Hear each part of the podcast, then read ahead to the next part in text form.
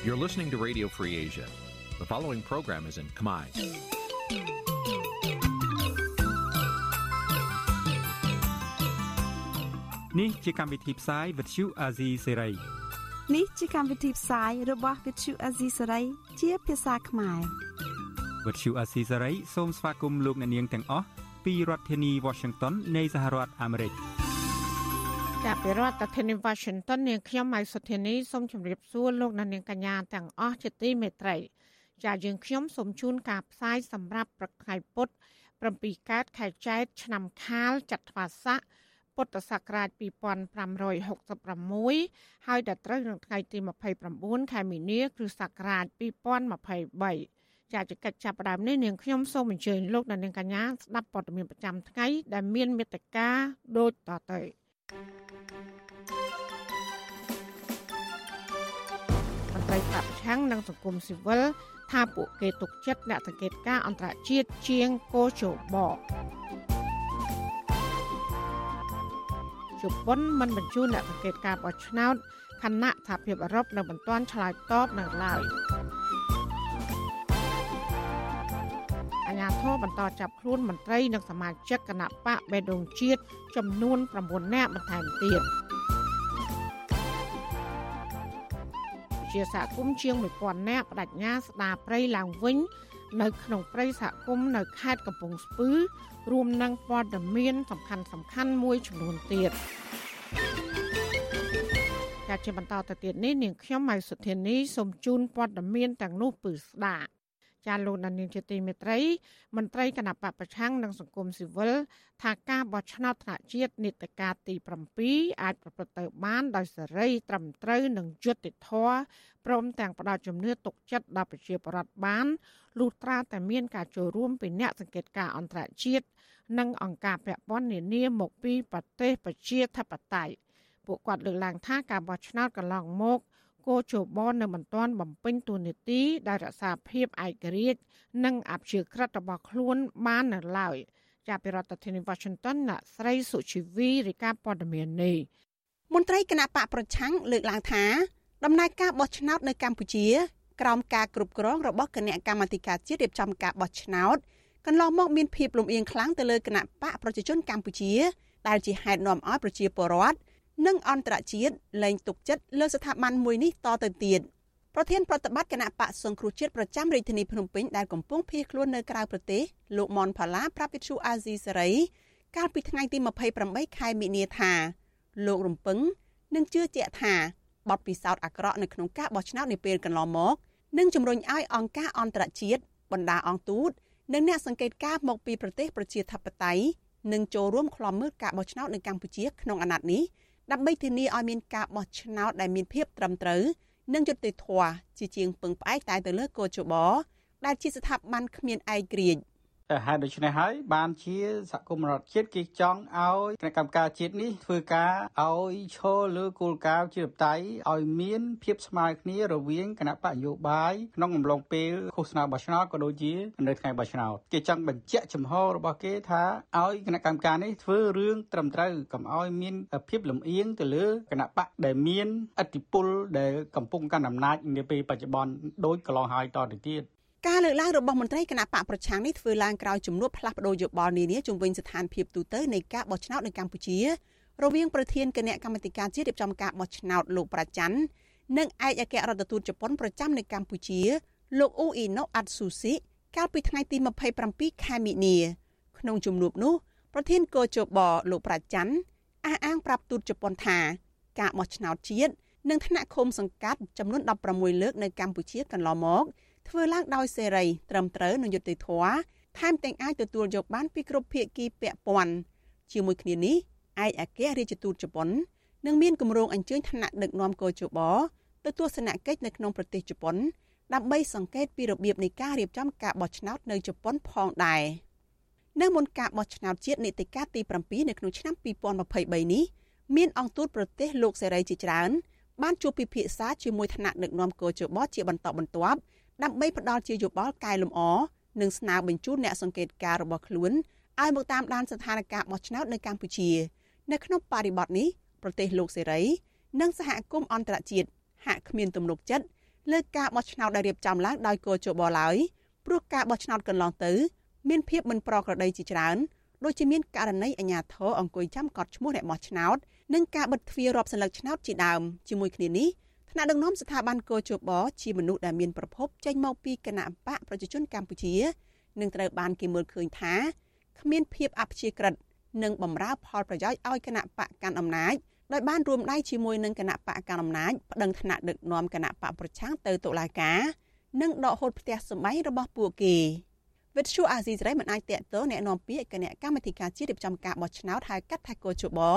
និងអ្នកនាំពាក្យគណៈបកប្រជាជនកម្ពុជាលោកសុកអេសានដើម្បីសុំការបកស្រាយបានទេកាលពីថ្ងៃទី28ខែមិនិនាជុំវិញរឿងនេះនាយកប្រតិបត្តិនៃអង្គការឃ្លាំមើលការបោះឆ្នោតនៅកម្ពុជាហៅកាត់ថា Netflix លោកសំគុណធីមីយល់ឃើញថាវត្តមានបណ្ដាប្រទេសអង្គទូតអាចមានឥទ្ធិពលធ្វើឲ្យគណៈបកនយោបាយជាពិសេសគណៈបកប្រឆាំងនិងប្រជាពលរដ្ឋកាន់តែមានទំនុកចិត្តនៅក្នុងការប្រកួតប្រជែងបោះឆ្នោតនៅថ្ងៃខាងមុខ ទោះជាយ៉ាងណាលោកលើកឡើងថាកម្ពុជានៅតែត្រូវការអ្នកសង្កេតការអន្តរជាតិនិងការឃ្លាំមើលពីសហគមន៍អន្តរជាតិបន្ថែមទៀតដើម្បីធានាបានអព្យាក្រឹតភាពរបស់កោជប រឿងកវិតណាខ្ញុំមិនអាចធ្វើការវាស់វែងបានទេប៉ុន្តែយើងចង់បានមិនថាតែរដ្ឋាភិបាលជប៉ុនទេសហភាពអឺរ៉ុបស្អីទាំងអស់តាំងពីសហរដ្ឋអាមេរិកតាំងពីអូស្ត្រាលីកន្លងយើងចង់ឲ្យគាត់មកចូលរួមក្នុងកិច្ចការទៅលើដំណើរការនេះណាបាទឲ្យបានច្រើនកាលណារត់ទៅល្អកាលហ្នឹងបាទបាទទោះជាយ៉ាងណាតំណាងរាស្ត្រសហភាពអឺរ៉ុបនិងជាសមាជិកអនុគណៈកម្មាធិការសហភាពអឺរ៉ុបស្ដីពីបញ្ហាសិទ្ធិមនុស្សអ្នកស្រីអ៊ីសាបែលសាន់តូសកាលពីថ្ងៃទី21ខែមិនិនាសង្កត់ធ្ងន់ថា អ្នកស្រីមិនជឿថានឹងមានការបោះឆ្នោតដោយបើកចំហនិងមានការចូលរួមពីគ្រប់ភាគីពាក់ព័ន្ធនយោបាយនៅកម្ពុជា នៅខែកក្កដាខាងមុខនេះឡើយអ្នកស្រីលើកឡើងដូចនេះដែលផ្ដល់អំណះអំណាងថាការនេះគឺដោយសារតែអ្នកនយោបាយបកប្រឆាំងជាច្រើនរូបត្រូវបានដកហូតសិទ្ធិធ្វើនយោបាយប្រធានគណៈបកប្រឆាំងត្រូវកាត់ទោសឲ្យជាប់ឃុំក្នុងផ្ទះ27ឆ្នាំនិងមានការគៀបសង្កត់លើសេរីភាពប្រព័ន្ធផ្សព្វផ្សាយសង្គមស៊ីវិលសកម្មជន និងអ្នកសហជីពជាដើម។ នាងខ្ញុំសុជីវីវិទ្យុអាស៊ីសេរីពីរដ្ឋធានី Washington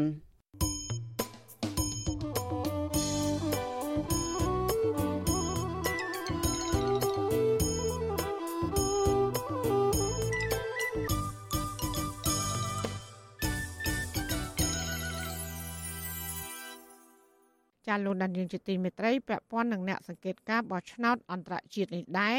រដ្ឋាភិបាលជប៉ុនប្រកាសមិនបញ្ជូនអ្នកសង្កេតការរបស់ខ្លួនផ្ដល់សម្ភារៈនានាសម្រាប់ការបោះឆ្នោតព្រមទាំងផ្ដល់ជំនួយថវិកាសម្រាប់ការបោះឆ្នោតជាតិនៅថ្ងៃទី23ខែកក្កដាខាងមុខនេះឡើយ ការចុះផ្សាយរបស់ Cambodia Net Online ជាភាសាអង់គ្លេសកាលពីថ្ងៃទី28ខែមីនាម្សិលមិញឲ្យដឹងថាទោះបីស្ថានទូតជប៉ុនប្រចាំនៅប្រទេសកម្ពុជា នៅមិនទាន់ប្រកាសសម្រេចជាផ្លូវការក៏ដោយ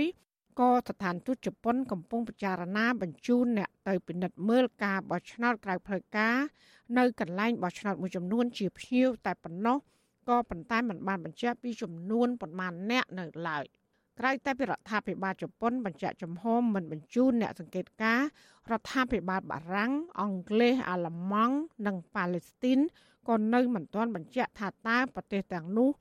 នឹងបញ្ជូនឬក៏មិនបញ្ជូនអ្នកសង្កេតការបោះឆ្នោតមកកម្ពុជានៅឡើយដែរទោះបីជារដ្ឋាភិបាលកម្ពុជា បានស្នើសុំឲ្យបញ្ជូនអ្នកសង្កេតការបោះឆ្នោតសម្រាប់ការបោះឆ្នោតនៅខែកក្កដាខាងមុខនេះក៏ដោយ កាលពីខែធ្នូឆ្នាំ2022កន្លងទៅរដ្ឋាភិបាលកម្ពុជាក៏បានស្នើដល់សហភាពអឺរ៉ុប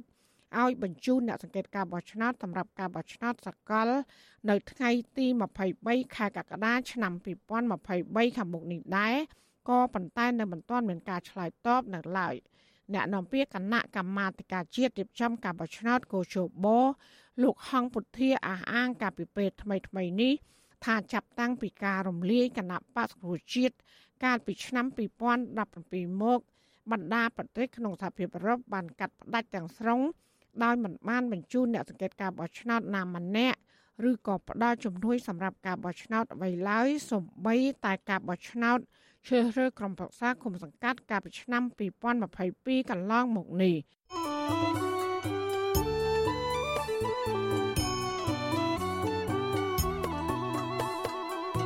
លោកនានីជាទីមេត្រីលោកនានីកំពុងស្ដាប់ការផ្សាយរបស់វិទ្យុអសីសេរីផ្សាយចេញពីរដ្ឋធានី Washington បណ្ដាលគ្នានឹងស្ដាប់ការផ្សាយរបស់វិទ្យុអសីសេរីតាមបណ្ដាញសង្គម Facebook និង YouTube លោកនាងកញ្ញាក៏អាចស្ដាប់ការផ្សាយរបស់វិទ្យុអសីសេរីតាមរលក ធាតុអាកាសខ្លីឬ Short Wave តាមកម្រិតនិងកម្ពស់ដូចតទៅចាប់ពីព្រឹកចាប់ពីម៉ោង5កន្លះដល់ម៉ោង6កន្លះ តាមរយៈប៉ុស SW 12.14 MHz ស្មើនឹងកម្ពស់ 25m និងប៉ុស SW 13.71 MHz ស្មើនឹងកម្ពស់ 22m ចាសម្រាប់ពេលយប់វិញចាប់ពីម៉ោង7កន្លះដល់ម៉ោង8កន្លះគឺតាមរយៈប៉ុស SW 9.89 MHz ស្មើនឹងកម្ពស់ 31m ប៉ុស SW 11.88 MHz ស្មើនឹងកម្ពស់ 25m ហើយនឹងប៉ុស SW 12.14 MHz ស្មើនឹងកម្ពស់ 25m ចាសសូមអរគុណ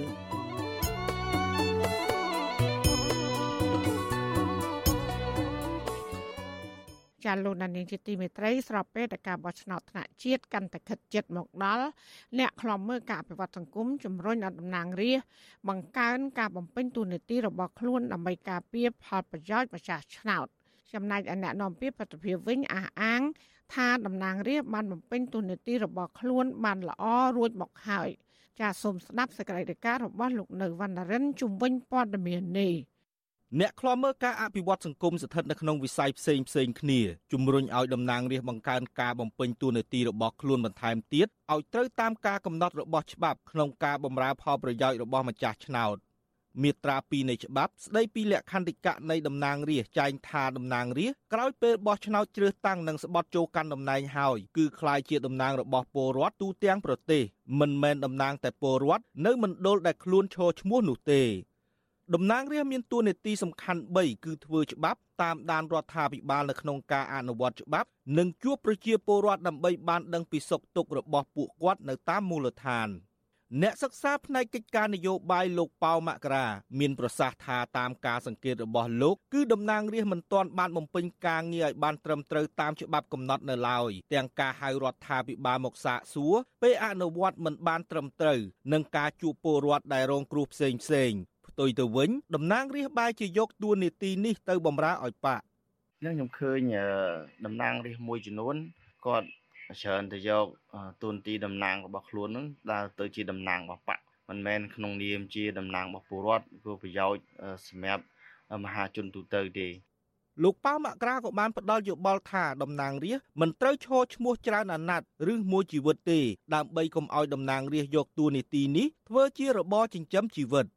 តំណាងរាស្ត្រហ្នឹងគាត់ថាមិនត្រូវបានឲ្យបោះឆ្នោតហ្នឹងបោះឆ្នោតឲ្យជាប់ជាប់គ្នាឲ្យឈរឈ្មោះជាតំណាងរាស្ត្រហ្នឹងទេពីគួរណាស់តែមានពេលឈប់សម្រាកណាមួយដើម្បីជិះវៀងជិះវៀងពាក់ព័ន្ធទៅនឹងបញ្ហាការយកទុនទីតំណាងរាស្ត្រនឹងជាមុខរបរជាការស្វែងរកលៀបសការៈតាមរយៈតំណាងរាស្ត្រហ្នឹង ជុំវិញរឿងនេះអតីតនាយកអង្គការសិលកាហើយបច្ចុប្បន្នជាអ្នកឃ្លាំមើលការអភិវឌ្ឍសង្គមអ្នកស្រីខឹសធីតាមើលឃើញថាបច្ចុប្បន្នហាក់មិនសូវមានការបំពេញការងារតាមការសន្យាមុនការបោះឆ្នោតនិងបំពេញតួនាទីទៅតាមច្បាប់នោះទេ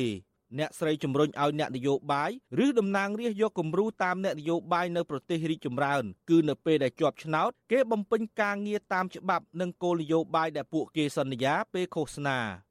នៅស្រុកគេដែលជឿនលឿនតែគេសន្យាគេធ្វើណាគេធ្វើអញ្ចឹងទៅរាប់1 2 3 4 5រាប់ធ្វើភ្លាមហ្នឹងហើយដូចជាលោកโย Biden ប្រធានាធិបតីនៅស្រុកអាមេរិកនេះគឺគាត់ថាគាត់នឹងនឹងដោះស្រាយរឿងបញ្ហាបរិស្ថានណាគាត់ទៅសញ្ញេអាអាប៉ារីអាកូអាឬបរិស្ថានហ្នឹងឡើងវិញដោយប្រធានាធិបតីមុនហ្នឹងគាត់លុបចោលណា គាត់លែងគាត់អត់ទៅឥឡូវគាត់មកគាត់គាត់ធ្វើអានឹងឯងឡើងវិញប្រធានសហព័ន្ធសហជីពកម្មករចំណីអាហារនិងសេវាកម្មកម្ពុជា អ្នកស្រីអ៊ូទេផូលីនថ្លែងថាបញ្ហាដែលកម្មករនិយោជិតបានដាក់លិខិតស្នើទៅតំណាងរាស្ត្រឲ្យជួយដោះស្រាយលើការរំលោភបំពាន និងការកេងប្រវ័ញ្ចនានាពីថៅកែនោះមិនដែលទទួលបានដំណោះស្រាយនោះទេ តំណាងរាស្ត្រនៅកម្ពុជាបែងចែកជាពីរថ្នាក់គឺសភាជាន់ទាបឬរដ្ឋសភា និងសភាជាន់ខ្ពស់ឬព្រឹទ្ធសភាតំណាងរាស្ត្រទទួលបានប្រាក់បំណាច់ប្រចាំឆ្នាំដែលយកទៅបែងចែកជាប្រាក់ខែទទួលបានជាង4000ដុល្លារក្នុងមួយខែមួយខែក្រៅពីនេះប្រាក់បំណាច់តំណាងរាស្ត្រទទួលបានការឧបត្ថម្ភផ្សេងទៀតដូចជារថយន្តថ្លៃប្រេងថ្លៃចុះបេសកកម្មឬថ្លៃផ្ទះស្នាក់នៅជាដើម។ វិទ្យុអាស៊ីសេរីមិនអាចតាក់ទងแนะនាំពាក្យរដ្ឋសភាលោកលេងពេញឡុងដើម្បីសុំការឆ្លើយតបលើបញ្ហានេះបានទេនៅថ្ងៃទី28មីនានេះចំណែកអ្នកនាំពាក្យព្រឹទ្ធសភាលោកមុំមុននាងប្រាប់វិទ្យុអាស៊ីសេរីថាតំណាងរាស្ត្រនៅរដ្ឋសភានិងព្រឹទ្ធសភាបំពេញការងារបានត្រឹមត្រូវទាំងការបង្កើតច្បាប់ការតាមដានរដ្ឋាភិបាលនិងការចុះសួរសុខទុក្ខប្រជាពលរដ្ឋយើងមើលឲ្យឃើញច្បាស់ហើយជាក់ស្ដែង ឯកឧត្តមលោកសំធៀងជាសមាជិករដ្ឋាភិបាលសមាជិកប្រតិភិបានបំពេញភារកិច្ចហ្នឹងគឺថាវាវាវាអឺគ្រប់គឺថាវាគ្រប់បែបគ្រប់យ៉ាងគ្រប់សពដល់ខ្នងផ្ទះប្រជាពលរដ្ឋដើម្បីដឹងសុខទុក្ខប្រជាពលរដ្ឋខ្វះខាតឬមានជំងឺសង្កាត់ផ្សេងផ្សេងដល់ប៉ះពាល់ដល់សុខភាពរបស់គាត់ហើយជីវភាពរស់នៅរបស់គាត់ ទោះជាយ៉ាងនេះក៏ដោយប្រធានមជ្ឈមណ្ឌលពលរដ្ឋដើម្បីការអភិវឌ្ឍនិងសន្តិភាពលោកយងកំឯងលើកឡើងថាបច្ចុប្បន្នមហាជនហាក់ភ្លេចថានៅក្នុងសង្គមនេះមានវត្តមានតំណាងរាស្ត្រព្រោះពេលមានបញ្ហាផ្សេងផ្សេងមិនសូវឃើញតំណាងរាស្ត្រចេញមុខដោះស្រាយនោះទេខ្ញុំឃើញថាទូនទីរបស់តំណាងរាស្ត្រហ្នឹងគឺហាក់ដូចជាគេភ្លេចអត់សូវមានអ្នកធ្វើអន្តរាគមអ្នកស្នើទៅតំណាងរាស្ត្រឲ្យជួយអន្តរាគមលើរឿងអីកន្លងឡើងមក ចឹងហើយហាក់ដូចជាគេមិនសូវឃើញភាពសកម្មនៃទូនាទីរបស់តំណាងរាស្ត្រហ្នឹងត្រូវបានលេចឡើងនៅក្នុងសង្គមខ្មែរយើងណាបាទលោកយងកំឯងក៏ជំរុញឲ្យតំណាងរាស្ត្រដែលកើតចេញពីការទុកចិត្តរបស់ពលរដ្ឋហើយទទួលបានប្រាក់ខែជាប្រចាំនេះត្រូវធ្វើការឲ្យសកម្មឡើង ដើម្បីការពារប្រយោជន៍ពលរដ្ឋជាម្ចាស់ឆ្នោតនិងសង្គម។ បច្ចុប្បន្ននេះកម្ពុជាមានតំណាងរាស្ត្រសរុប167រូបក្នុងនោះសមាជិកសភាមានចំនួន125រូបនិងសមាជិកព្រឹទ្ធសភាចំនួន62រូបកាលពីឆ្នាំ2015កន្លងទៅព្រឹទ្ធសភាបានចេញសេចក្តីណែនាំមិនឲ្យអ្នកសារព័ត៌មានថតរូបនៅពេលប្រជុំដោយសារតែអ្នកសារព័ត៌មានមួយចំនួនថតប៉ះសមាជិកសភាដេកនៅក្នុងអង្គប្រជុំយកទៅផ្សព្វផ្សាយធ្វើឲ្យប៉ះពាល់សេចក្តីថ្លៃថ្នូរឯកជន។ ចំណែកឯរដ្ឋសភាដែលជាកន្លែងផ្ដល់សេវាឲ្យពលរដ្ឋក៏បានសាងសង់របងពីរជាន់និងដាក់អ្នកយាមកាមតឹងរឹងដោយបញ្ជាក់ថាដើម្បីការពារសុវត្ថិភាពជូនតំណាងរាស្ត្រខ្ញុំបាទនៅវណ្ណរិន With Chu Azizi Saray ពីរដ្ឋធានី Washington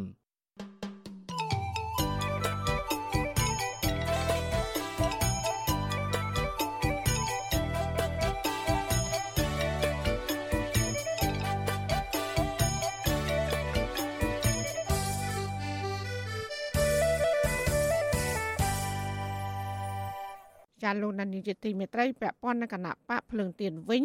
មន្ត្រីគណៈបកនេះបានស្នើដល់រដ្ឋាភិបាលឲ្យបញ្ឈប់ការបន្តចាប់ខ្លួន មន្ត្រីនិងសកម្មជនរបស់ខ្លួនព្រោះថាទង្វើនេះគឺជាការគំរាមកំហែងនិងអាចធ្វើប៉ះពាល់ស្មារតីដល់សកម្មជន ហើយនិងអ្នកគ្រប់គ្រងគណៈបកនេះការស្នើនេះបានធ្វើឡើងស្របពេលដែលមន្ត្រីក្រសួងមហាផ្ទៃ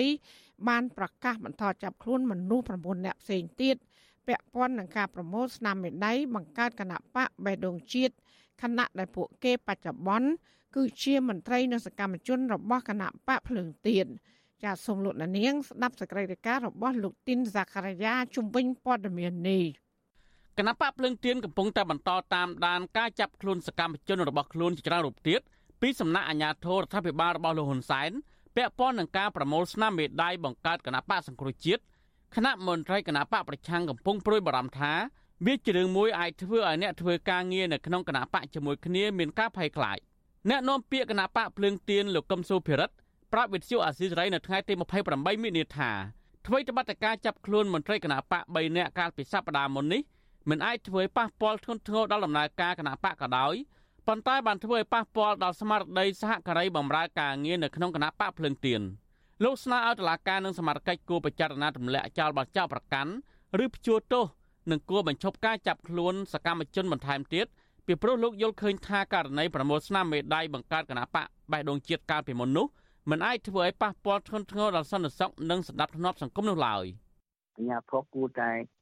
មើលដែរថាករណីហ្នឹងថាបើយើងអាចទម្លាក់ចោលការចោទប្រកាន់បានដោយសារតែមិនមានការប៉ះពាល់ពុលផលទៅដល់សន្តិសុខសម្រាប់ស្នប់សង្គមទេនឹងគួរតែយើងពិចារណាដែរគឺអាចពមៀនគាត់ទៅឬក៏ជួសទោសអីចឹងទៅការលើកឡើងរបស់មន្ត្រីគណៈបកភ្លើងទៀននេះធ្វើឡើងស្របពេលមន្ត្រីក្រសួងមហាផ្ទៃបានប្រកាសតាមចាប់ខ្លួនអតីតស្ថាបនិកគណៈបកបេដងជាតិដល់បច្ចុប្បន្នមកចូលរួមជាមួយគណៈបកភ្លើងទៀនចំនួន9នាក់ទៀតការតាមរកចាប់ខ្លួនអ្នកទាំង9នាក់នេះ បន្ទាប់ពីសមត្ថកិច្ចចាប់ខ្លួនមន្ត្រីសំខាន់សំខាន់របស់គណៈបកភ្លើងទៀនចំនួន3នាក់កាលពីថ្ងៃទី24មិនិនារួមមានប្រធានគណៈកម្មាធិការប្រតិបត្តិគណៈបកភ្លើងទៀនខេត្តកំពង់ចាម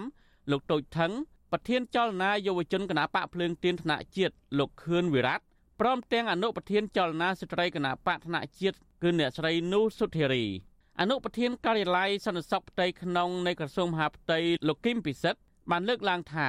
ដែលការតុលាការបានបញ្ជាឲ្យចាប់ខ្លួនមនុស្សចំនួន13នាក់ពាក់ព័ន្ធនឹងបទក្លែងបន្លំនៅក្នុងការប្រមូលស្នាមមេដាយជាង4000នាក់ដើម្បីស្នើសុំក្រសួងមហាផ្ទៃបង្កើតគណៈបកបដងជាតិកាលពីឆ្នាំ2021ហើយមកទល់ពេលនេះគឺសមត្ថកិច្ចចាប់ខ្លួនបានចំនួន4នាក់បញ្ជូនទៅពន្ធនាគារនិងនៅសល់9នាក់ទៀតនេះបើតាមការចុះផ្សាយរបស់កាសែតខ្មែរថែមកាលពីថ្ងៃទី27មីនាជុំវិញនឹងបញ្ហានេះវិទ្យុអសិរ័យមិនអាចតកតងแนะនាំពាក្យក្រសួងមហាផ្ទៃលោកខៀវសុភ័ក្រ មន្ត្រីនាំពាក្យអគ្គស្នងការនគរបាលជាតិលោកឆៃកំខឿននិងអ្នកនាំពាក្យស្នងការនគរបាលរាជធានីភ្នំពេញលោកសានសុកសីហាដើម្បីសំសួរអំពីបញ្ហានេះបន្ថែមបានទេនៅថ្ងៃទី28មីនាមេធាវីការពារក្តីសំណុំរឿងអតីតស្ថាបនិកគណៈបកបដងជាតិលោកមេធាវីកើតខីលើកឡើងថា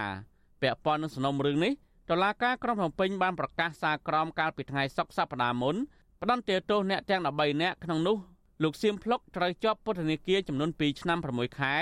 ហើយ12នាក់ទៀតត្រូវជាប់ពន្ធនាគាររយៈពេល2ឆ្នាំនិងត្រូវពិន័យជាប្រាក់ក្នុងម្នាក់ម្នាក់ចំនួន5លានរៀលលោកបន្តថាលោកមិនបានដឹងថាមានដីកាតាមចាប់ខ្លួនអ្នក9នាក់ទៀតនោះទេ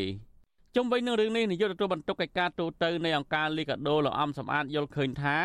សំណុំរឿងដែលក្រសួងមហាផ្ទៃចោទប្រកាន់ថាមានការក្លែងបន្លំស្នាមមេដៃ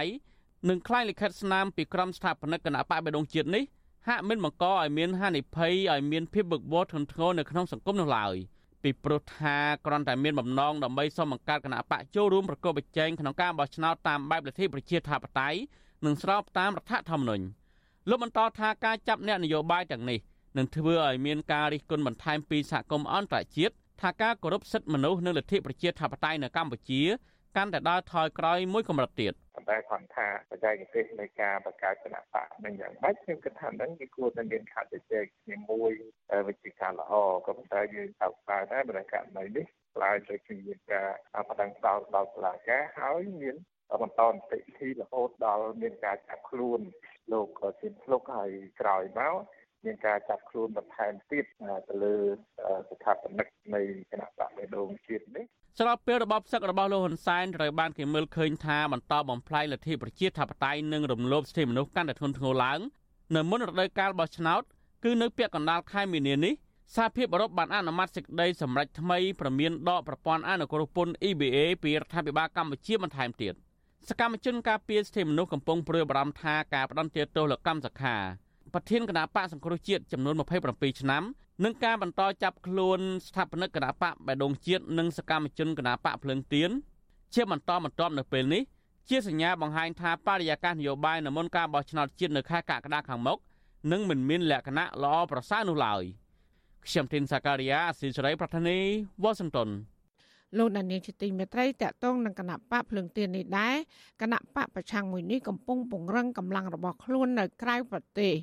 អ្នកវិភាគលើកឡើងថាកម្លាំងគណៈបកនេះនៅក្រៅប្រទេស គឺជាផ្នែកសំខាន់ក្នុងការជួយទ្រទ្រង់ថវិកាដល់កម្លាំងក្នុងស្រុកដើម្បីធ្វើសកម្មភាពរបស់ខ្លួនឲ្យបានទូលំទូលាយជាមួយបរដ្ឋម្ចាស់ឆ្នោតចាលោកមានរដ្ឋរាយការណ៍ព័ត៌មាននេះមេដឹកនាំគណៈបកភ្លើងទៀនកំពុងចែកការងារនឹងតំបន់គ្នា ដើម្បីចាត់ចែងក្រុមការងារនិងរៀបចំបណ្ដាញគណៈបកនេះនៅក្រៅប្រទេសកម្លាំងគ្រប់គ្រងគណៈបកភ្លើងទៀននៅក្រៅប្រទេសចែកចេញជាពីរប្រភេទគឺពលរដ្ឋខ្មែររស់នៅក្រៅប្រទេសនិងពលករខ្មែរដែលធ្វើការនិងរស់នៅក្រៅប្រទេស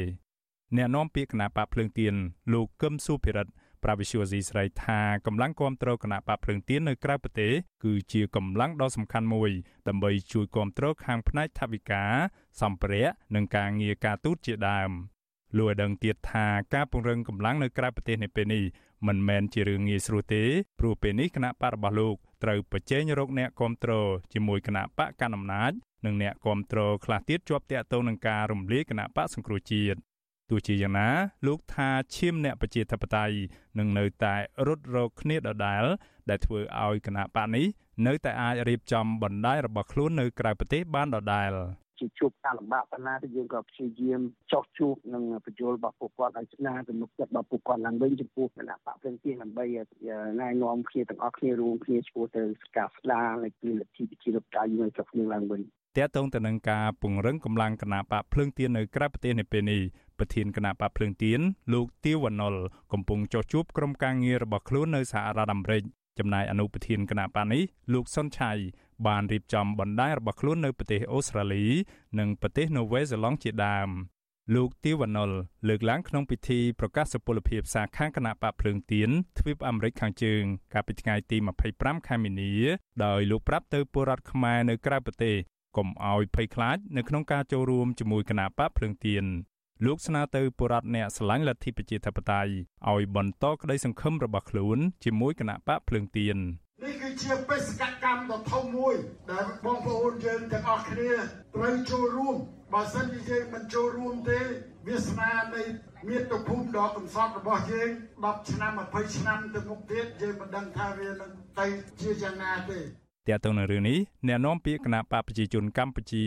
លោកសុកអេសានយល់ថាការពង្រីកខ្លួនរបស់គណៈបកភ្លើងទៀននៅក្រៅប្រទេសមិនបានគំរាមកំហែងដល់គណៈបករបស់លោកនោះទេ លោកបន្តទៀតថាគណៈបកភ្លើងទៀនទំនងជាមិនអាចរកការគ្រប់គ្រងពីពលរដ្ឋខ្មែរនៅក្រៅប្រទេសបានច្រើននោះទេព្រោះពេលនេះលោកអះអាងថាពលរដ្ឋនៅក្រៅប្រទេសភាគច្រើនបានងាកមកគ្រប់គ្រងគណៈបកកណ្ដាលអំណាច កម្លាំងក្រៅប្រទេសវាមិនមែនជាកម្លាំងកតាកំណត់សម្រាប់ជាអធិពល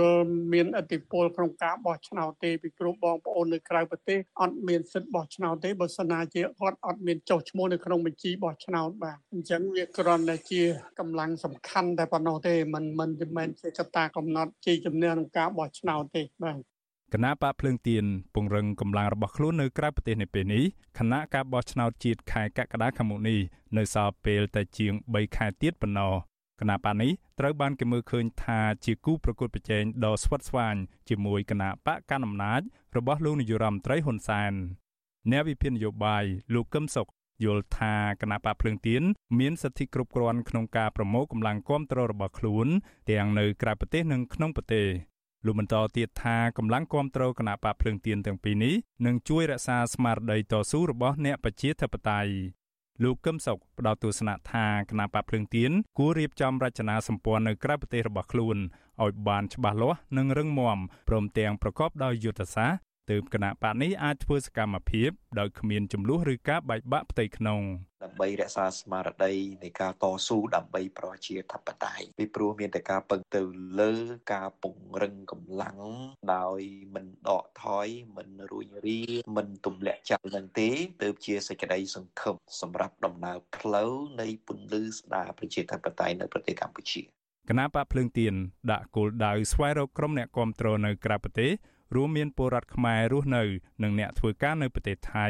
អូស្ត្រាលីជប៉ុនកូរ៉េខាងត្បូងសហភាពអឺរ៉ុបនិងសហរដ្ឋអាមេរិកជាដើមប្រធានគណៈបកភ្លើងទៀនលោកទាវវណ្ណុលអះអាងថាពេលនេះគណៈបករបស់លោកក្រៅតែពីមានរចនាសម្ព័ន្ធនៅទូទាំងប្រទេសកម្ពុជាគណៈបកភ្លើងទៀនក៏មានក្រុមការងាររបស់ខ្លួននៅក្នុងទ្វីបចំនួន4នៅក្រៅប្រទេសផងដែរខ្ញុំបានមេរិត Visual C ស្រី ពីរដ្ឋធានី Washington លោកណានៀងជាទីមេត្រីនៅអាខេត្តកំពង់ឆ្នាំងឯនោះវិញមន្ត្រីគណៈបកភ្លើងទៀននៅក្នុងខេត្តនេះចោទអាជ្ញាធរថាបានយឺតយ៉ាវក្នុងការទទួលសំណើសម្ដោះដូរសមាជិកក្រុមប្រឹក្សាឃុំជាប់ឆ្នោត មកពីគណៈបកភ្លើងទៀននៅក្នុងឃុំចំនួន2ពួកគាត់ថាទោះបីជាបេក្ខជនទាំងនោះបានលុបឈ្មោះចេញពីបញ្ជីសមាជិកគណៈបកភ្លើងទៀនរួចហើយក៏ដោយក៏គ្មានមន្ត្រីអាជ្ញាធរណាម្នាក់អើពើនោះឡើយ។ រីឯអាជ្ញាធរឃុំវិញក៏បានឆ្លើយតបថានៅចាំការសម្រេចពីថ្នាក់លើជំនុនសិនចាលោកសេកបណ្ឌិតឯកព័ត៌មាននេះដូចតទៅបេក្ខជនក្រុមប្រឹក្សាឃុំជាប់ឆ្នោតមកពីគណៈបកភ្លើងទៀនចំនួន2ឃុំរួមមានឃុំដានិងឃុំផ្លូវទូកស្រុកកំពង់លែងខេត្តកំពង់ឆ្នាំងត្រូវសមាជិកគណៈបកបញ្ឈប់ពីក្រមប្រឹក្សាដោយសារតែមិនគោរពគោលការណ៍គណៈបកហើយនឹងដាក់បេក្ខជនថ្មីចំនួន តែយ៉ាងណាមន្ត្រីគណៈបកភ្លើងទៀនអះអាងថា ពួកគាត់បានដាក់ពាក្យស្នើសុំដោះដូរបេក្ខជនទាំងនោះ ទៅអាជ្ញាធរមូលដ្ឋានជិត1ខែមកហើយប៉ុន្តែពុំមានអាជ្ញាធរណាមួយអើពើទទួលសំណើនោះឡើយលេខាធិការគណៈបកភ្លើងទៀនប្រចាំខេត្តកំពង់ឆ្នាំង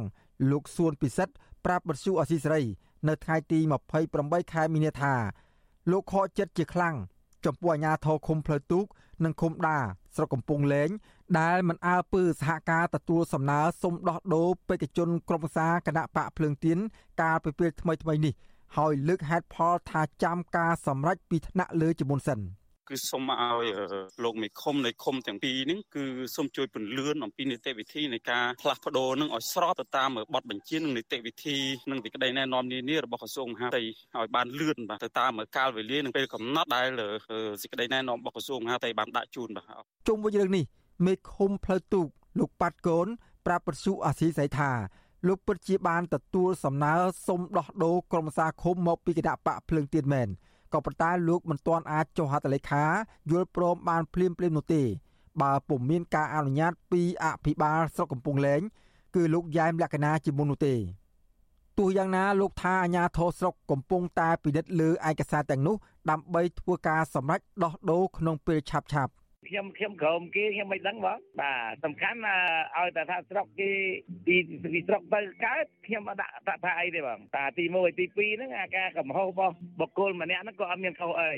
វិទ្យុអសីស្រីនៅពុំទាន់អាចតាក់ទងអភិបាលស្រុកកំពង់លែងលោកយ៉ែមលក្ខណា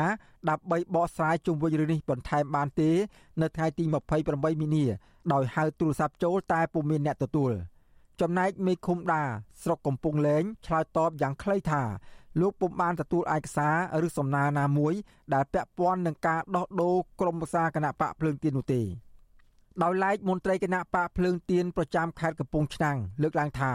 អាញាធរមូលដ្ឋាន មិនអើពើ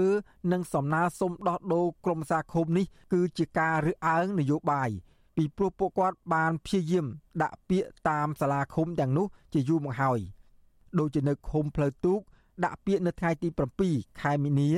ចំណែកឃុំដាដាក់នៅថ្ងៃទី27ខែមីនាក៏ប៉ុន្តែពុំឃើញអាជ្ញាធរដោះស្រាយលើសំណើនោះទេលោកសួនពិសិដ្ឋអះអាងថាមូលហេតុដែលគណៈបកភ្លើងទៀនសម្រេចបញ្ឈប់សមាជិកក្រុមប្រឹក្សាឃុំទាំងពីររូបនោះដោយសារតែពួកគាត់ដើរផ្ទុយពីលក្ខខណ្ឌគណៈបកភ្លើងទៀនដូចជាការមិនចូលប្រជុំប្រចាំខែការមិនចូលរួមសកម្មភាពនយោបាយតាមរយៈវេទិកាសាធារណៈការមិនបង់ប្រាក់កាតព្វកិច្ចប្រចាំខែជាដើម។ ជុំវិញរឿងនេះប្រធានសមាគមការពារសិទ្ធិមនុស្សអាត6លោកនីសុខាលើកឡើងថា ការដោះដូរក្រមប្រសាឃុំរបស់គណៈបកនីមួយៗគឺជាសិទ្ធិនិងជាកិច្ចការផ្ទៃក្នុងរបស់គណៈបកនីមួយៗដូច្នេះអាជ្ញាធរពាក់ព័ន្ធពុំអាចបដិសេធឬជំទាស់បាននោះទេ លោកបន្តថាការផ្លាស់ប្ដូរនេះមិនត្រឹមតែក្រមប្រសាឃុំសង្កាត់នោះទេសូម្បីតែតំណាងរាស្ត្រក៏អាចធ្វើការដោះដូរបានដែរបើសិនជាមានកំហុស អាញាធរជាទូទៅគឺថាត្រូវតែអនុវត្តតាមអ្វីដែលជាការស្នើសុំរបស់គណៈបកនយោបាយសម័យព្រោះអានឹងយើងមិនអាចទៅលូកលាន់នៅក្នុងកិច្ចការងារផ្ទៃក្នុងរបស់គណៈបកនយោបាយមួយបានទេអញ្ចឹងអាញាធរត្រូវតែសម្របពិសេសគឺតកតទៅទៅនឹងបញ្ហារៀបចំសមាជិកភាពក្រមប្រឹក្សាគុំសង្កាត់ហ្នឹងគឺការប្រកាសសមាជិកភាពក្រមប្រឹក្សាគុំសង្កាត់ហ្នឹងគឺថាក្រសួងមហាផ្ទៃជាអ្នកទទួលខុសត្រូវនៅក្នុងការចាត់ចែងការងារទាំងអស់ហ្នឹងអ្នកវិភាគនយោបាយនិងមន្ត្រីគណៈបកប្រឆាំងមើលឃើញថាការអូសបន្លាយរបស់មន្ត្រីអាជ្ញាធរតាមមូលដ្ឋាន ដែលមិនព្រមទទួលសំណើដោះដូរក្រុមប្រសាឃុំ មកពីគណៈបកភ្លើងទៀននេះគឺគ្រាន់តែចង់បង្កនៅបរិយាកាសស្មុគស្មាញដល់គណៈបកប្រឆាំងមួយនេះតែប៉ុណ្ណោះមន្ត្រីគណៈបកភ្លើងទៀនទទូចឲ្យអាជ្ញាធរពាក់ព័ន្ធគួរតែដោះស្រាយបញ្ហាទាំងនោះឲ្យបានឆាប់ដើម្បីងាយស្រួលក្នុងការរៀបចំដាក់បេក្ខជនថ្មីឲ្យបានមុនការបោះឆ្នោតជាតិនៅថ្ងៃទី23ខែកក្កដាខាងមុខ ខ្ញុំបាទសេកបណ្ឌិតវុទ្ធុអាស៊ីសេរីពីរដ្ឋធានីវ៉ាស៊ីនតោន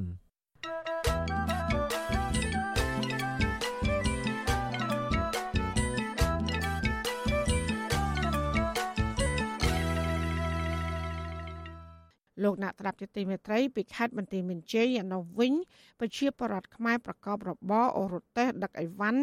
ចេញចូលច្រកព្រំដែនកម្ពុជាថៃក្នុងក្រុងប៉ោយប៉ែតក៏បានត្អូញត្អែពីបញ្ហាជីវភាព ក្រោយដែលអាជ្ញាធរបានរឹតបន្តឹងការដឹកទំនិញតាមរទេះ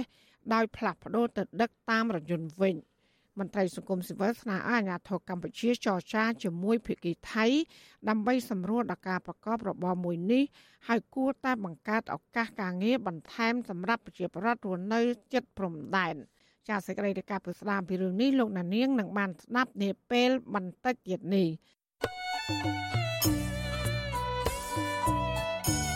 ចាលោកណានៀងជាទីមេត្រីវັດឈុអសីស្រីសូមជូនដំណឹងថាយើងគ្មានអ្នកយកព័ត៌មានប្រចាំនៅប្រទេសកម្ពុជានោះឡើយបើសិនជាមានជនណាម្នាក់អះអាងថាជាអ្នកយកព័ត៌មានឲ្យវិទ្យុអសីស្រីនៅកម្ពុជានោះគឺជាការក្លែងបន្លំយកឈ្មោះរបស់វិទ្យុអសីស្រី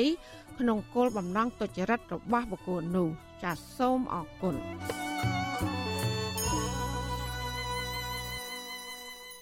ចាលោកអ្នកស្ដាប់ជាទីមេត្រីដែលឡាយពាក់ព័ន្ធនឹងបញ្ហាបរិស្ថានវិញអ្នកភូមិជាង1000នាក់នៅខេត្តកំពង់ស្ពឺបដិញ្ញាចិត្តរួមគ្នាដើម្បីស្ដារប្រៃឈើឡើងវិញនិងការពារប្រៃសហគមន៍ចំនួន2ឲ្យបានគង់វង្សបើទោះបីជាដើមឈើមូលធំធំត្រូវបានគេកាប់បំផ្លាញអស់ទាំងស្រុងក្តី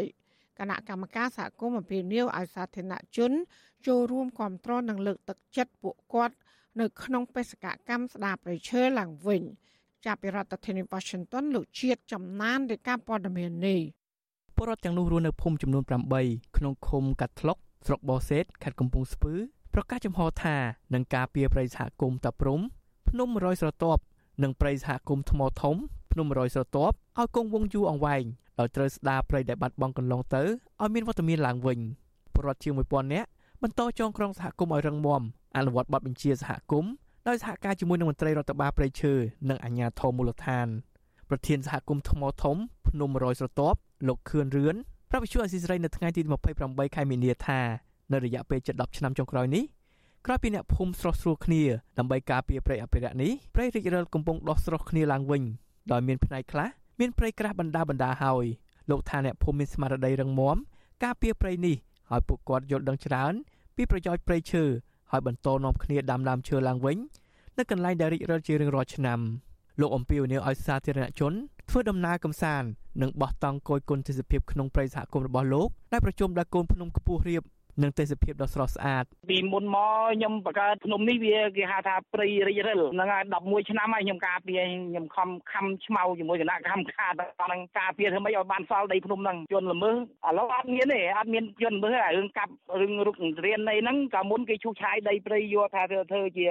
កម្មសិទ្ធិរបស់គេយើងដាក់ពាក្យបណ្ដឹងទៅតុលាការកាលពីមុនឆ្នាំ2008ព្រៃសហគមន៍នេះមានដើមឈើធំសត្វព្រៃជាច្រើនប្រភេទនិងសម្បូរព្រៃក្រាស់ ក៏ប៉ុន្តែចាប់តាំងពីមានវត្តមានក្រុមហ៊ុនឯកជនវិនិយោគក្បែរតំបន់នោះការកាប់ឈើធំធំការធ្វើអាជីវកម្មកើតមានយ៉ាងពេញទំហឹងធ្វើឲ្យដើមឈើធំធំបាត់បង់ទាំងស្រុងរហូតមកដល់ឆ្នាំ2017អ្នកភូមិបានមូលមតិគ្នាចងក្រងជាសហគមន៍សហការជាមួយនឹងមន្ត្រីសង្គមស៊ីវិលនិងអាជ្ញាធរមូលដ្ឋានធ្វើផែនទីលក្ខន្តិកៈដើម្បីបង្កើតសហគមន៍ព្រៃឈើសមាជិកសហគមន៍ការពារព្រៃឈើខេត្តកំពង់ស្ពឺលោកលាវសារំសង្កេតឃើញថាអាជ្ញាធរភូមិឃុំបានយកចិត្តទុកដាក់ការពារព្រៃឈើនេះ និងគាំទ្រពលរដ្ឋឲ្យចូលរួមទាំងអស់គ្នាលោកថាពេលនេះសហគមន៍ខ្វះថវិកាដែលមិនអាចមានលទ្ធភាពជីកស្រះនិងចាក់សាំងចុះល្បាតព្រៃនៅឡើយទេហើយរកការចំណាយផ្សេងផ្សេងពលរដ្ឋត្រូវចាយលុយខ្លួនឯងលោកថាប្រសិនបើព្រៃនេះថែទាំបានល្អមិនយូរនោះទេ ដើមឈើមិនទាន់គ្រប់អាយុនឹងដុះស្ទុះឡើងលឿនផ្ដល់ផលប្រយោជន៍ជាច្រើនរួមមានការរកអូសថ្នាំបុរាណខ្វៀលគោក្របីនិងរកអនុផលព្រៃឈើជាដើម។ យើងខ្វះថវិកាសម្រាប់អភិវឌ្ឍក្នុងសហគមន៍ហ្នឹងណាបើសិនជាមានថវិកាអីយើងអភិវឌ្ឍកម្មវិធីជីវៈចម្រុះអភិវឌ្ឍសហគមន៍ព្រៃឈើហ្នឹងមានការរីកចម្រើនកណាយើងសហគមន៍ព្រៃឈើគាត់ក៏អភិវឌ្ឍទៅមានការលូតលាស់យើងជីវៈចម្រុះយើងនៅក្នុងសហគមន៍យើងអាចមានច្រើនអញ្ចឹងណាហើយក៏យើងអត់មានអភិវឌ្ឍអីទេយើងអត់មានអីជីវៈចម្រុះក៏គាត់ថយចុះដែរទៅសម្បូរផ្ទៃដីជាង500ហិកតា មានពលរដ្ឋជាង1000នាក់កំពុងរស់នៅក្នុងភូមិចំនួន8ដែលជាភូមិសម្រាប់អភិរក្សនិងស្ដារព្រៃឈើឡើងវិញ ព្រៃសហគមន៍ទាំងនោះស្ថិតនៅក្នុងឃុំកាត់ថ្លុកស្រុកបរសេតដែលបានចុះបញ្ជីទទួលស្គាល់ជាព្រៃអភិរក្សពីក្រសួងកសិកម្មកាលពីឆ្នាំ2017ព្រៃអភិរក្សនេះមានទឹកធ្លាក់ប្រជុំកូនភ្នំជាច្រើន ជាពិសេសតំបន់ខ្ពង់រាបដែលមានដើមឈើមុខកាត់ជាង2ទឹកដោះតាមជម្រាលភ្នំផ្ដល់ទេសភាពដ៏ស្រស់ត្រកាលតើតើនឹងបញ្ហានេះមេឃុំកាត់ថ្លុកលោកអ៊ុំមនោរមមានប្រសាសន៍ថាអាញាធរឃុំបានគ្រប់គ្រងទៅលើសកម្មភាពអភិរក្សព្រៃឈើទាំងនោះ ដើម្បីស្ដារព្រៃនិងការពារធនធានធម្មជាតិដែលនៅគៀកភូមិកំណើតរបស់ពលរដ្ឋលោកថាអាញាធរបានផ្ដល់កិច្ចសហការជាមួយនឹងសហគមន៍គ្រប់កលៈទេសៈក្នុងបេសកកម្មល្បាតព្រៃនិងសាងសង់កន្លែងទេសចរដើម្បីរកប្រាក់ចំណូលជូនសហគមន៍ព្រោះព្រៃនៅតំបន់នោះមានសក្តានុពលខ្ពស់លោកបន្ថែមថាឧបសគ្គខ្លះៗតែសហគមន៍កំពុងជួបប្រទះគឺខ្វះថវិកាការពារព្រៃនិងសាងសង់ស្រះទឹកសម្រាប់ផ្គត់ផ្គង់សត្វព្រៃនៅរដូវប្រាំងជាដើម ព័ន្ធនឹងថវិកាហ្នឹងគឺសហគមន៍អត់មានលុយទេសហគមន៍ហ្នឹងតស៊ូដោយឆន្ទៈការលះបង់កម្លាំងកាយចិត្តរបស់គាត់ហ្នឹងរហូតដល់លះបង់ថវិកាខ្លះទៀតឃុំហ្នឹងក៏តែងតែចូលរួមចំណែករហូតជុំវិញរឿងនេះមន្ត្រីសម្របសម្រួលគម្រោងសមាគមបណ្ដាញយុវជនលោកអូតឡាទីនគាំទ្រការបដិញ្ញាចិត្តរបស់ពលរដ្ឋដែលចូលរួមការពារព្រៃស្របទៅនឹងរដ្ឋធម្មនុញ្ញលោកថាការតាំងចិត្តបែបនេះគឺជាការបង្ហាញក្តីស្រឡាញ់ចំពោះព្រៃឈើដែលជាទ្រព្យសម្បត្តិសំខាន់របស់មនុស្សជាតិ គណៈព្រៃឈើនៅតំបន់នោះត្រូវបានគេកាប់អស់ស្ទើរតែទាំងស្រុងច្បាប់រដ្ឋធម្មនុញ្ញរដ្ឋប្រទេសកម្ពុជា ធានាអំពីសិទ្ធិជាប្រវត្តិក្នុងការចូលរួមថែរក្សាការពារទ្រព្យសម្បត្តិរបស់ជាតិហើយការបដិញ្ញាចិត្តនេះជាការបង្ហាញក្តីស្រឡាញ់ចំពោះព្រៃឈើដែលជាទ្រព្យសម្បត្តិដែលប្រើប្រាស់ទាំងបច្ចុប្បន្នភាពហើយនឹងទៅអនាគតដែរមន្ត្រីសហគមន៍រូបនេះអំពាវនាវឲ្យអាជ្ញាធរនិងអង្គការមិនមែនរដ្ឋាភិបាលចូលរួមគ្រប់គ្រងសហគមន៍ដើម្បីស្ដារព្រៃឈើដែលបាត់បង់កន្លងទៅ លោកស្នើឲ្យរដ្ឋាភិបាលបង្កើនការយកចិត្តទុកដាក់ខ្ពស់ជំរុញឲ្យមានការមើលថែព្រៃឈើដែលនៅសេសសល់ឲ្យមាននិរន្តរភាពនាពេលបច្ចុប្បន្ននិងថ្ងៃអនាគតគម្របព្រៃឈើនៅកម្ពុជា បានថយចុះយ៉ាងឆាប់រហ័សក្នុងរយៈពេលជាង20ឆ្នាំចុងក្រោយនេះហើយមូលហេតុចម្បងដែលនាំឲ្យបាត់បង់ព្រៃឈើធំធេងគឺបណ្ដាលមកពីការផ្ដោតដីសម្បត្តិសេដ្ឋកិច្ចអំពើពុករលួយភាពធូររលុងក្នុងការអនុវត្តច្បាប់ព្រៃឈើនិងខ្វះខាតការយកចិត្តទុកដាក់ពីសំណាក់អាជ្ញាធររបស់រដ្ឋាភិបាល កាលពីឆ្នាំ2022សាកលវិទ្យាល័យ Copenhagen នៃប្រទេសដាណឺម៉ាករួមជាមួយនឹងបណ្ដាញសហគមន៍ព្រៃឡង់បានផ្សាយរបាយការណ៍ថ្មីមួយរកឃើញថាកម្ពុជាបានបាត់បង់គម្របព្រៃឈើជិត2លាន5សែនហិកតាក្នុងចន្លោះឆ្នាំ2001ដល់ឆ្នាំ2020ខ្ញុំបាទចិត្តចំណាន Visual Assisray ប្រធានាទី Washington thank you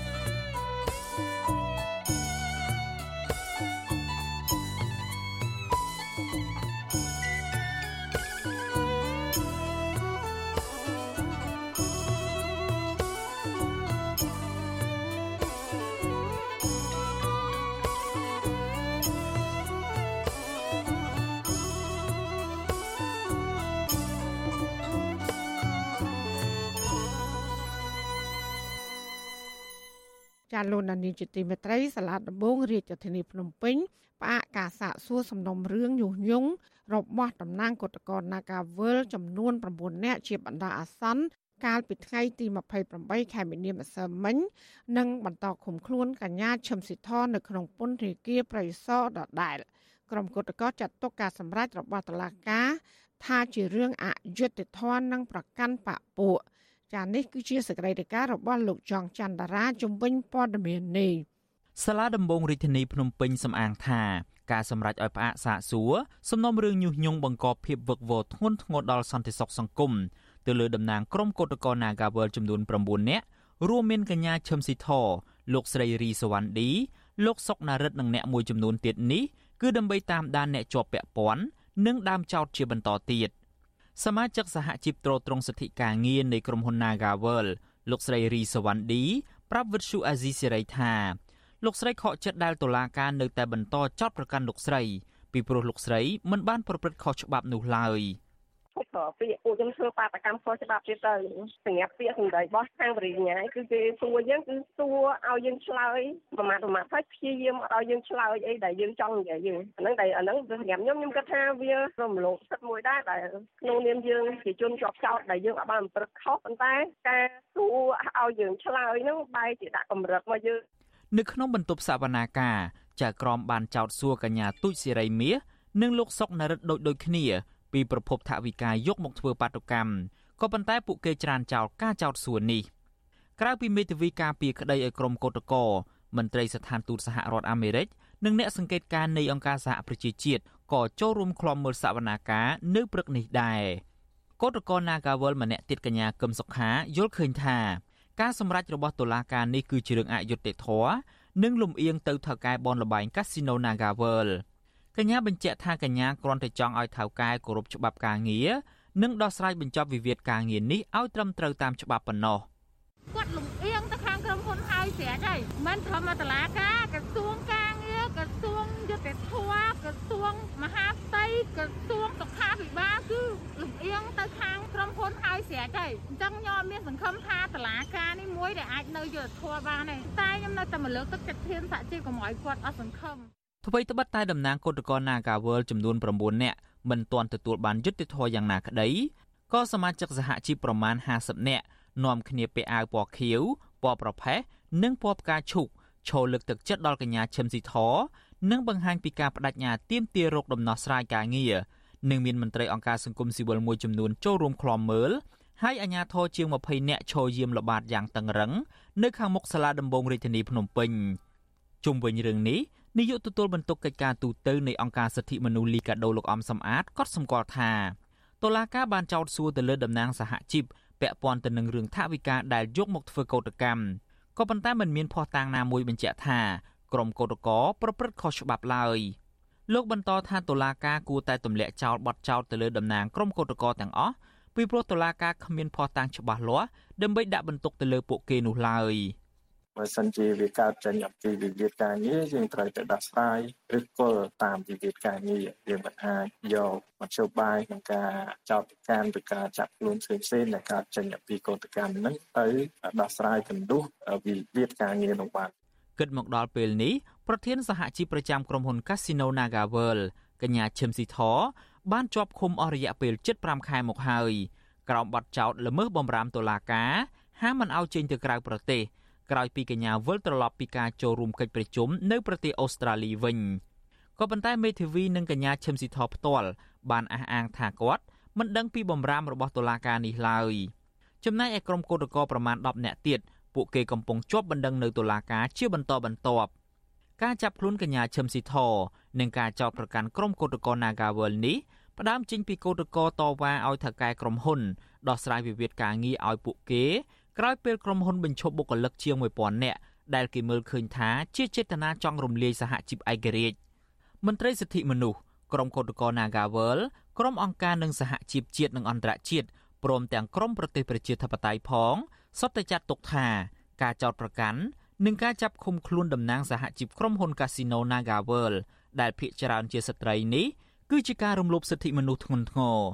ពួកគេទទូចដល់អាជ្ញាធរឲ្យដោះលែងកញ្ញាឈឹមស៊ីធឲ្យមានសេរីភាពឡើងវិញព្រមទាំងទម្លាក់ចោលរាល់បទចោទប្រកាន់ទៅលើក្រុមកោតក្រ Nagawal ខ្ញុំយ៉ងច័ន្ទដារាវិទ្យុអាស៊ីសេរី Washington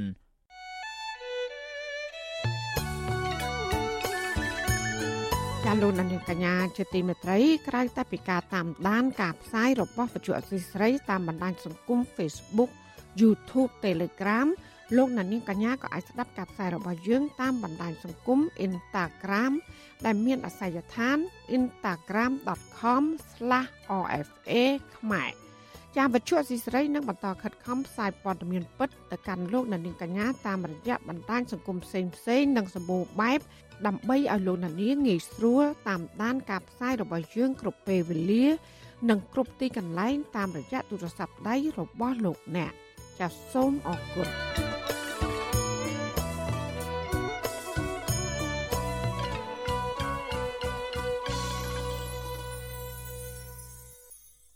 លោកអ្នកត្រាប់ជាទីមេត្រីពីខេត្តបន្ទាយមានជ័យនៅវិញប្រជាពលរដ្ឋខ្មែរប្រកបរបរអូរតេសដឹកអីវ៉ាន់ចេញចូលច្រកព្រំដែនកម្ពុជាថៃក្នុងក្រុងប៉ោយប៉ែតក៏បានត្អូញត្អែពីបញ្ហាជីវភាពក្រោយដែលអាជ្ញាធរបានរឹតបន្តឹងការដឹកទំនិញតាមរទេះដោយផ្លាស់ប្ដូរទៅដឹកតាមរថយន្តវិញ មន្ត្រីសង្គមស៊ីវិលស្នើឲ្យអាជ្ញាធរកម្ពុជាចរចាជាមួយភាគីថៃ ដើម្បីសម្រួលដល់ការប្រកបរបរមួយនេះហើយគួរតែបង្កើតឱកាសការងារបន្ថែមសម្រាប់ប្រជាពលរដ្ឋរស់នៅជិតព្រំដែនចាសសូមស្ដាប់សេចក្តីរាយការណ៍ពីស្ដាររបស់អ្នកស្រីសុជីវីជុំវិញស្ថានភាពលំបាករបស់ប្រជាពលរដ្ឋទាំងនោះទោះបីច្រកព្រំដែនអន្តរជាតិប៉ោយប៉ែតខេត្តបន្ទាយមានជ័យបើកដំណើរការឡើងវិញក្រោយវិបត្តិជំងឺ Covid-19 អស់រយៈពេលជាង1ឆ្នាំទៅហើយក្តីក៏ប្រជាពលរដ្ឋមួយចំនួន ដែលប្រកបរបរជាអ្នកអស់រទេស ដឹកទំនិញនៅតែប្រឈមនឹងភាពក្រីក្រលំបាកនិងស្វែងរកការងារធ្វើបន្ថែមពីលើមុខរបរមួយនេះកម្មករអស់រទេសពីការជើងឆ្វេងនៅច្រកប៉ោយប៉ែតលោកពៅចនប្រាប់វិទ្យុអាស៊ីសេរីនៅថ្ងៃទី27ខែមិនិនាថាលោកបានផ្អាកមុខរបរអូរទេសនេះជាច្រើនថ្ងៃមកហើយ ដោយសារការរឹតបន្តឹងការដឹកជញ្ជូនពីមន្ត្រីប៉ូលីសច្រកព្រំដែនដែលចង់លុបបំបាត់មុខរបរអូរទេសនៅតាមច្រកព្រំដែនលោកបន្តថាអាញាធរច្រកព្រំដែនតម្រូវឲ្យឈ្មួញឬអ្នកដំណើរឆ្លងកាត់ត្រូវដឹកជញ្ជូនអីវ៉ាន់និងទំនិញតាមរថយន្តលោកបញ្ជាក់ថាការដឹកជញ្ជូនអីវ៉ាន់តាមរថយន្តមានតម្លៃថ្លៃជាងការដឹកតាមរទេះ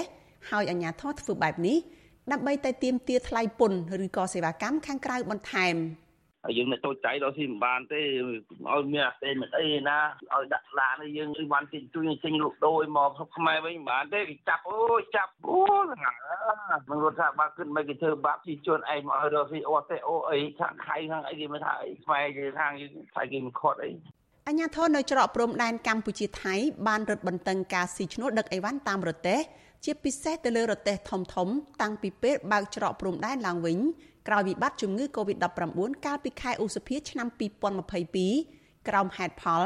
ដើម្បីសវត្ថភាព និងសន្តិភាពសាធារណៈនៅក្នុងតំបន់ច្រកទ្វារព្រំដែនអន្តរជាតិតែមកដល់ពេលនេះអាជ្ញាធរ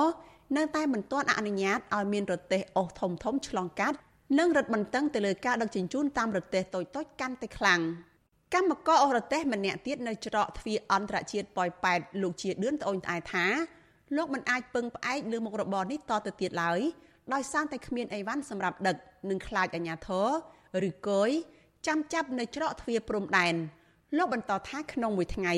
លោកដឹកអីវ៉ាន់បានពី2ទៅ3ជើងដោយក្នុងមួយជើង បានថ្លៃឈ្នួលពី100បាតទៅ250បាតនិងថ្ងៃខ្លះគ្មានសំបីតែមួយជើងក៏មាន លោកបន្ថែមថា ការរឹតបន្តឹងបែបនេះធ្វើឲ្យពលរដ្ឋមួយចំនួនបោះបង់ការប្រកបរបរនេះ និងបដូរទៅធ្វើសំណង់ឬស៊ីឈ្នួលនៅក្នុងផ្សាររោងឃ្លឿវិញទេមានតែស្នំពណាបាទអើយស្នំពខាងស្វ័យខេត្តស្វ័យក្រុងមកនិយាយកាន់ទីទៅគ្នាគេនេះក៏រត់ទៅធ្វើការផ្សេងផ្សេងទៅលើលេខទៅមានអ្នកអូអូមកទីទៅមកចាប់ទៅហ្នឹងកើតបាន300អូនទៅចង្កើតអត់មានតិចបំផុតចង្កើតថ្ងៃខ្លះអត់ទេហ៎អ្នកអស់រទេះត្អូញត្អែទៀតថាអញ្ញាធមមិនអនុញ្ញាតឲ្យពួកគាត់អស់រទេះនៅលើផ្លូវធំឡើយដោយអស់បានតែនៅលើចិញ្ចើមផ្លូវដែលមានសភាពតូចចង្អៀត និងពេលខ្លះត្រូវយួរឬកណ្ដៀតអីវ៉ាន់ទាំងនោះទៀតផងជាមួយគ្នានោះអីវ៉ាន់ផ្សេងផ្សេងដូចជាស្បែកជើងសម្លៀកបំពាក់កាបូបដែលនាំចូលមកលក់នៅកម្ពុជាក៏អាជ្ញាធរមិនអនុញ្ញាតឲ្យពួកគាត់ដឹកនោះដែរដោយដឹកបានតែអីវ៉ាន់របស់ពលករឆ្លងដែនចូលមកក្នុងប្រទេសថៃតែប៉ុណ្ណោះ។ការរឹតបន្តឹងលើមុខរបរមួយនេះដោយសារអាជ្ញាធរជាពិសេសគយស្រួលយកលុយនិងប្រមូលពន្ធពីអ្នកបើកបររថយន្ត និងអាចដឹករបស់របរមានតម្លៃផ្សេងផ្សេងចូលមកក្នុងទឹកដីកម្ពុជាបានដោយងាយវិទ្យុអាស៊ីសេរីមិនអាចតាក់ទងប្រធានការិយាល័យគយនិងរដ្ឋកោប្រចាំច្រកប៉ោយប៉ែតលោកងួនកុសល និងអភិបាលក្រុងប៉ោយប៉ែតលោកគៀតហ៊ុលដើម្បីសុំការបកស្រាយបានទេ នៅថ្ងៃទី27ខែមិនិនាទោះជាយ៉ាងណាមន្ត្រីសង្គមស៊ីវិលមើលឃើញថា ការរឹតបន្តឹងបែបនេះគឺជាការធ្វើបាបប្រជាពលរដ្ឋក្រីក្រ ដែលគ្មានលទ្ធភាពពង្រីកសេវាកម្មដូចជាឈ្មួញធំធំ ក្រៅពីការប្រើកម្លាំងបដូរយកកម្រៃប្រធានសមាគមពង្រឹងសេដ្ឋកិច្ចក្រៅប្រព័ន្ធកម្ពុជា លោកដិនពុទ្ធី មានប្រសាសន៍ថាការផ្លាស់ប្ដូរទៅដឹកអីវ៉ាន់តាមរថយន្តបានបង្ហាញពីវិសមភាពការងារដោយសារអ្នកបើករថយន្តភ ieck ច្រើនជាជនជាតិថៃខណៈអង្គើពុករលួយថ្មីមួយកំពុងកើតឡើងបន្ថែមទៀតតាមរយៈការខົບខិតគ្នាពីអ្នកបើកបរនិងមន្ត្រីគយ ដោយបង្កប់របស់មានតម្លៃឬទំនិញខុសច្បាប់ចូលទឹកដីកម្ពុជាយ៉ាងណាលោកថា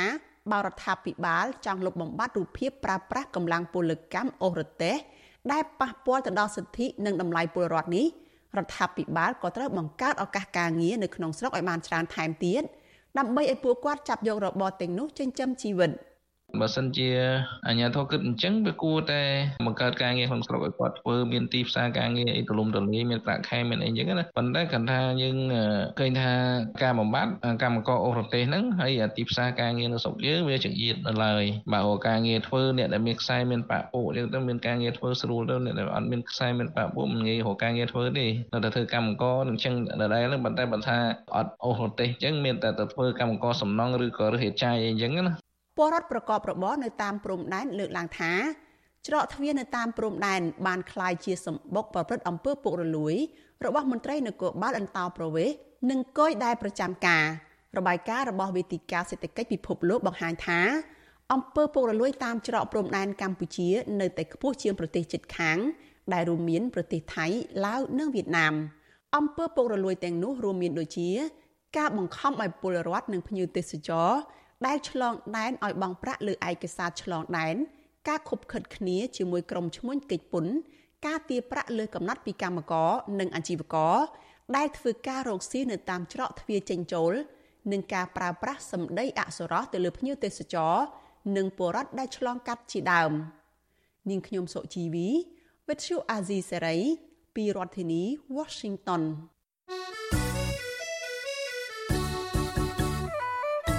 ចាលោកនាងជាទីមេត្រីក្នុងឱកាសនេះដែរនាងខ្ញុំសូមថ្លែងអំណរគុណដល់លោកនាងកញ្ញាដែលតែងតែមានភក្ដីភាពចំពោះការផ្សាយរបស់យើង ហើយចាត់ទុកការស្ដាប់វិទ្យុអសីស្រីជាផ្នែកមួយនៃសកម្មភាពប្រចាំថ្ងៃរបស់លោកអ្នកចាការគ្រប់គ្រងរបស់លោកនាងនេះហើយដែលធ្វើយើងខ្ញុំ មានទឹកចិត្តកាន់តែខ្លាំងបន្ថែមទៀតក្នុងការស្វែងរក និងផ្តល់ព័ត៌មាន សម្រាប់ជូនលោកនាង ចាំមានអ្នកស្ដាប់និងអ្នកទស្សនាកាន់តែច្រើនកាន់តែធ្វើឲ្យយើងខ្ញុំ មានភាពស្វាហាប់មោះមុតជាបន្តទៀតចាយើងខ្ញុំសូមអរគុណទុកជាមុនហើយក៏សូមអញ្ជើញលោកដានៀងកញ្ញាចូលរួមជំរុញសកម្មភាពផ្តល់ព័ត៌មានរបស់យើងនេះឲ្យកាន់តែបានជោគជ័យបន្ថែមទៀត។ ចាលោកណានៀងអាចជួយយើងខ្ញុំបានដោយគ្រាន់តែចុចចែករំលែកឬ share ការផ្សាយរបស់យើងខ្ញុំនៅលើបណ្ដាញសង្គម Facebook និង YouTube ទៅកាន់មិត្តភ័ក្តិរបស់លោកណានៀងដើម្បីឲ្យការផ្សាយរបស់យើង បានទៅដល់មនុស្សកាន់តែច្រើនចាសសូមអរគុណចាលោកលានាងកញ្ញាអ្នកស្ដាប់ជាទីមេត្រីការផ្សាយរយៈពេល1ម៉ោងរបស់វិទ្យុអាស៊ីស្រីជាភាសាខ្មែរនៅពេលនេះចាប់តែប៉ុណ្ណេះ។ ចាយើងខ្ញុំទាំងអស់គ្នាសូមជូនពរលោកនាងនិងក្រុមគ្រួសារទាំងអស់សូមជួបប្រកបតែនឹងសេចក្តីសុខសេចក្តីចម្រើន ជានិរន្តរ៍ចានាងខ្ញុំម៉ៅសុធានីព្រមទាំងក្រុមការងារទាំងអស់របស់អសីស្រីសូមអរគុណនិងសូមជម្រាបលា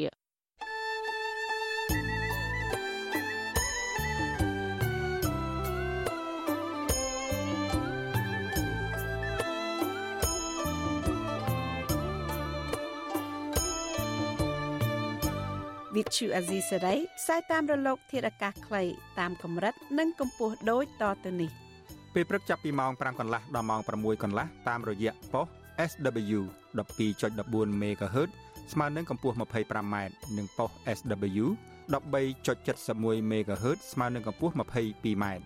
ពេលយប់ចាប់ពីម៉ោង7កន្លះដល់ម៉ោង8កន្លះតាមរយៈប៉ុស SW 9.89 MHz ស្មើនឹងកម្ពស់ 31m